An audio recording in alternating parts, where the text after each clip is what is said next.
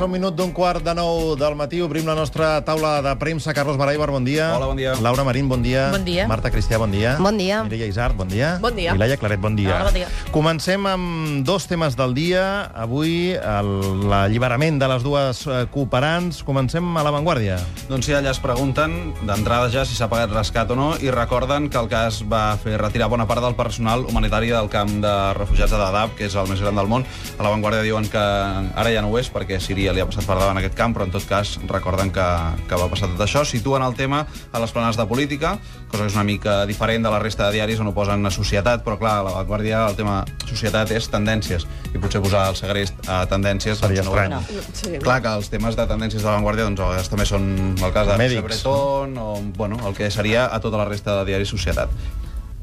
El País i el Mundo ho tracten molt breu eh, a la portada i, en canvi, en el seu interior el País fa una cronologia del segrest i un destacat recorden que el G8 va demanar als estats que no paguessin ni un cèntim per la vida dels seus ciutadans segrestats hi ha països com el Regne Unit i els Estats Units que es vanaglorien de no haver cedit al xantatge dels segrestadors en, cas, en, cap, en cap cas de segrest de comparants a l'Àfrica. El Mundo recorden el segrest i el desenllaç d'Albert Vilalta, Roque Pasqual i Alicia Gámez. Doncs, per exemple, si mirem a l'Ara i el Punt Avui, a l'Ara és el tema del dia, en portada, també és el, el primer tema que et trobes quan obres el diari, i, per exemple, hi ha una crònica molt bonica del Jordi Llorenç que fa una mica un passeig per Palafrugell, que, a més a més, ha començat la festa major, descriu com sona la copla de fons, com la gent està contenta, recull testimonis d'amics i coneguts de, de la cooperant, i, i bé, és aquest punt de color i d'optimisme que val la pena destacar. En el Punt Avui eh, és un tema que posa en la societat, també, eh, destacat a la portada, però no com a tema principal, i el que destacaríem nosaltres és que es compara la resolució d'aquest cas amb el de Roque Pasqual, Albert Vilalta i Alicia Gámez, segrestats el 2010 al Magreb, perquè diuen que en aquesta ocasió s'ha estat molt més prudent i discret que quan ho va gestionar el Ministeri d'Afers Estrangers. Recordem que en aquest cas ho ha fet Metges Sense Fronteres i diuen que en aquell cas el soroll mediàtic va ser molt contraproduent. El periòdico colen a la portada, petitot, petitet, sobre la foto del tema destacat, que és el Mundial de Natació. L'aportació més significativa és un resum infogràfic del viatge que s'ha fet que han fet les cooperants o que estan fent fins a Djibouti i fins a Madrid. També publiquen un resum dels set segrestos d'espanyols a l'Àfrica des del 2007. I a la Doncs, resta de diaris de Madrid? Mira, tant a l'ABC com a la Razón les portades són ben diferents al que s'ha dit fins ara.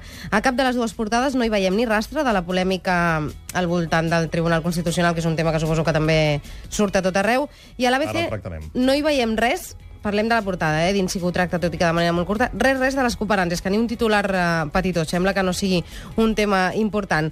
Ells segueixen amb els seus temes i els seus objectius i el que destaquen a l'ABC és el cas Bárcenas, amb el titular que diu La última mentira de Bárcenas, referint al fet que fa uns quants mesos Bárcenas va negar haver pagat diners a Ana Palacio i que en canvi ara, davant del jutge Ruz, sí que ha dit que li va donar 6.000 euros. I l'altre titular de portada és sobre el cas Campió, un tema que també surt a la Razón, però com no podia ser d'una altra manera, el tema principal de la Razón també és sobre el govern central i diu que el mercado confia en Rajoy. Doncs parlem eh, del Tribunal Constitucional, de- d'aquest fet de que l'actual president de la Tribunal tenia carnet del PP quan va ser escollit eh, per aquest càrrec. A l'avantguàrdia destaquen que hi ha temor que les llacunes legals que pugui generar tot aquest cas propiciïn recusacions en alguns processos i recorden que membres del TC han ocupat càrrecs al PSOE també i que no pot passar res i que tots els magistrats són obertament pròxims a uns o altres. A més, li posen un semàfor vermell a De los Cobos i José Antic diu que és molt lleig que eh, ens neguem hagut d'assabentar pels papers d'Hisenda del cas Bárcenas i no per ell mateix. El País, per exemple, inclou aquest tema sota l'epígraf del descrèdit de les institucions. Escriuen que el magistrat Francisco Pérez de los Cobos només va admetre la seva afiliació al PP quan ho va publicar aquest diari, El País, i destaquen les paraules d'un magistrat. Ens han situat en una posició ètica i estètica lletja, i també les paraules de jutges per la democràcia la militància evapora la neutralitat. En el seu editorial, El País diu que la societat necessita imparcialitat al Constitucional i no disciplines partidistes. A l'Ara, eh, per exemple, trobem també aquestes contradiccions legals que comentava el Carlos i Ferran Casas, cap de política del diari, ens explica que Pérez de los Cobos té antecedents familiars a Fuerza Nueva i diu de manera contundent fins ara havien anat fent la viu-viu, però en Pérez de los Cobos el PP va decidir deixar de dissimular. El control que exerceix Rajoy del Tribunal Constitucional és eficaç i inversament proporcional a la seva legitimitat. El periòdico destaquen la declaració de la vocal del Consell General del, General del Poder Judicial, Margarita Robles, que diu que el cas perjudica la imatge del tribunal i ofereix als ciutadans una visió visió polititzada de la justícia. Després que el TC mateix s'hagi pronunciat a favor de que no passa res, doncs és la veu més autoritzada que de moment s'ha queixat de que això hagi passat. A més, el periòdico també ha portat la visió de Xavier Bosch, que és catedràtic de dret constitucional. Per ell, la incompatibilitat entre ser membre del TC i militant d'un partit polític és clara. Segons Arbós, magistrats amb carnet s'haurien d'abstenir en cada votació sobre, sobre recursos presentats pel seu propi partit, el qual faria molt ineficient el, el Constitucional, i al final recorda al Constitucional que ells, els catedràtics, no poden reparar l'autoritat moral dels magistrats i que n'estan farts d'explicar la separació de poders i la independència judicial perquè els estudiants els miren doncs, amb cara estranya. Marcel. El diari El Mundo, en la seva, inter... en la seva informació interior, destaquen que el Constitucional dona suport al seu president i no veu incompatible que fos afiliat al PP. I el punt avui és el tema principal del dia, diuen jutge i part com a titular, i expliquen una mica la relació amb Catalunya que té Francisco Pérez de los Cobos, que va viure a Barcelona del 1996 al 2007.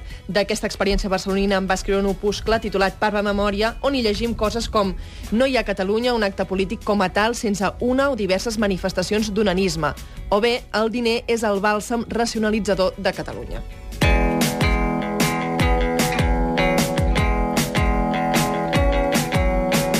Temes propis. Eh, comencem avui amb VilaWeb. Comencem amb VilaWeb perquè entrevisten Allen Buchanan. És catedràtic de la Universitat de Duke, als Estats Units. Ells el presenten com un dels teòrics sobre els processos de secessió més reconeguts internacionalment i vindria a dir això, que la posició d'Espanya contrària al sobiranisme, ell la veu com l'únic argument que justificaria una declaració unilateral de Catalunya d'independència. Diu que no ho veuria estrany, doncs això, si Espanya sempre diu que no i no mou la postura de cap manera.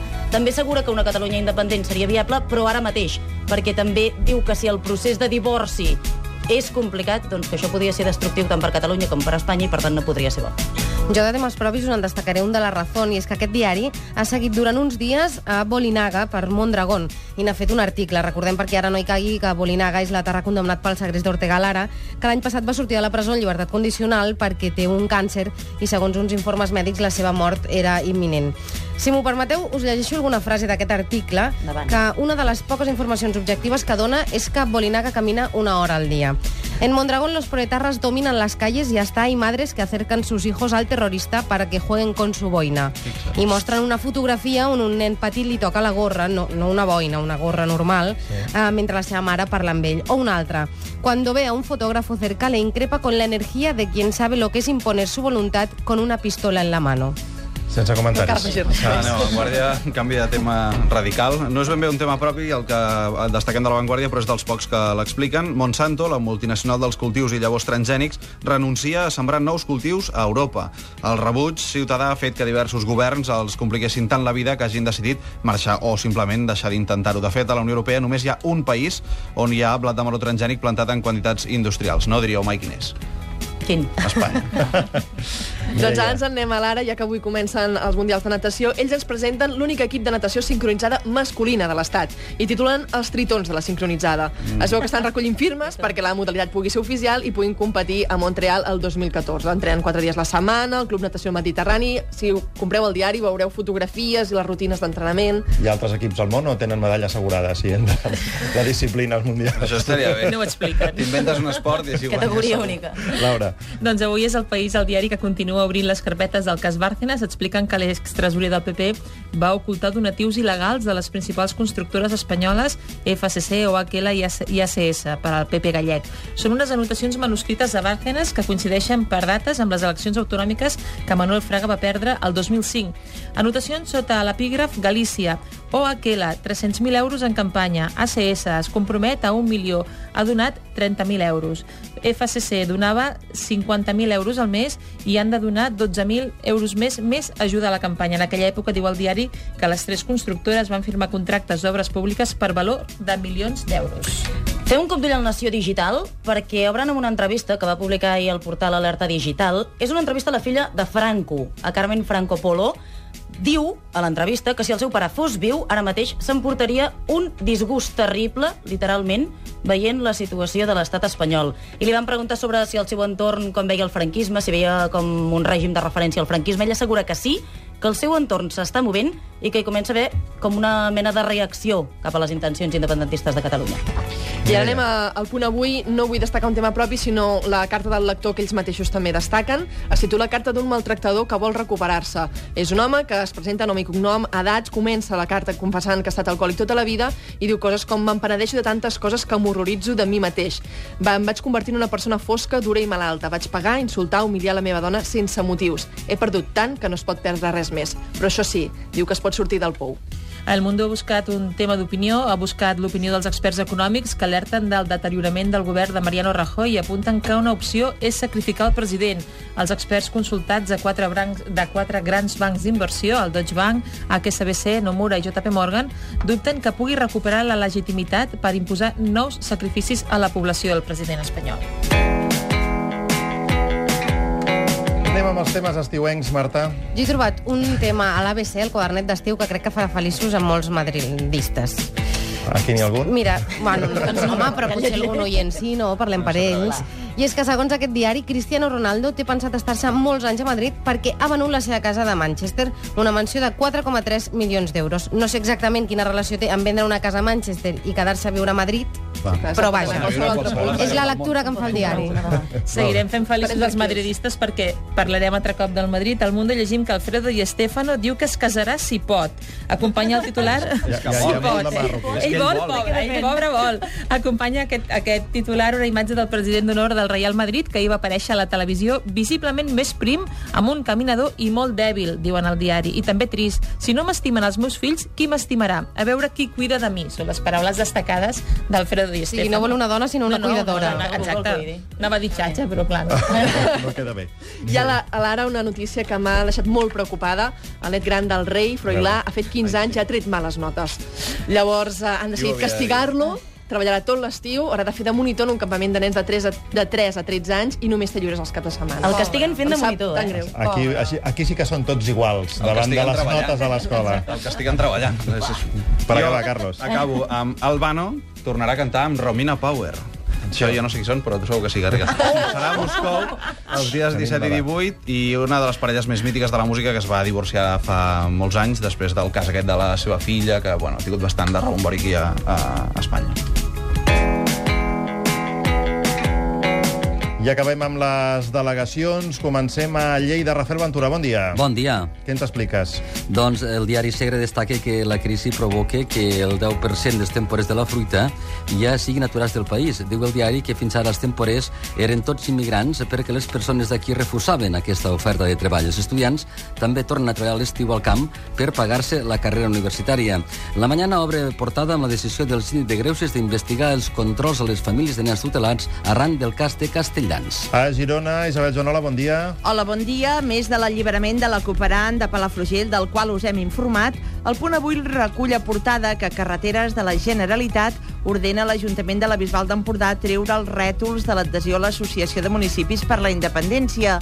I el diari de Girona dedica l'imatge de portada als manters de Roses, diu que identifiquen 20 venedors ambulants i comisen 1.000 objectes falsificats. I acabem a Tarragona. Manel Sastre, bon dia. Hola, bon dia. El diari de Tarragona en portada, Reus i Metro Bacesa tanquen l'acord per reiniciar les obres i també l'afer d'Innova Batestesa en llibertat provisional, però sense passaport. Un altre dels temes destacats al diari de Tarragona és el sistema de matrícules de la Universitat Rovira i Virgili, que va quedar absolutament col·lapsat per un error informàtic. Va afectar a prop de 4.000 estudiants que des de la matinada d'ahir intentaven fer l'automatrícula eh, via internet, però que un col·lapse del servidor ho va impedir. Doncs eh, gràcies a tots. Aquí s'acaba la taula de premsa. Amb alguns ens retrobem al Poti Poti Fins a aquí no està partir de les 12 i els altres bon cap de setmana. Nosaltres Igualment. Una pausa ara. i comencem la nostra tertúlia.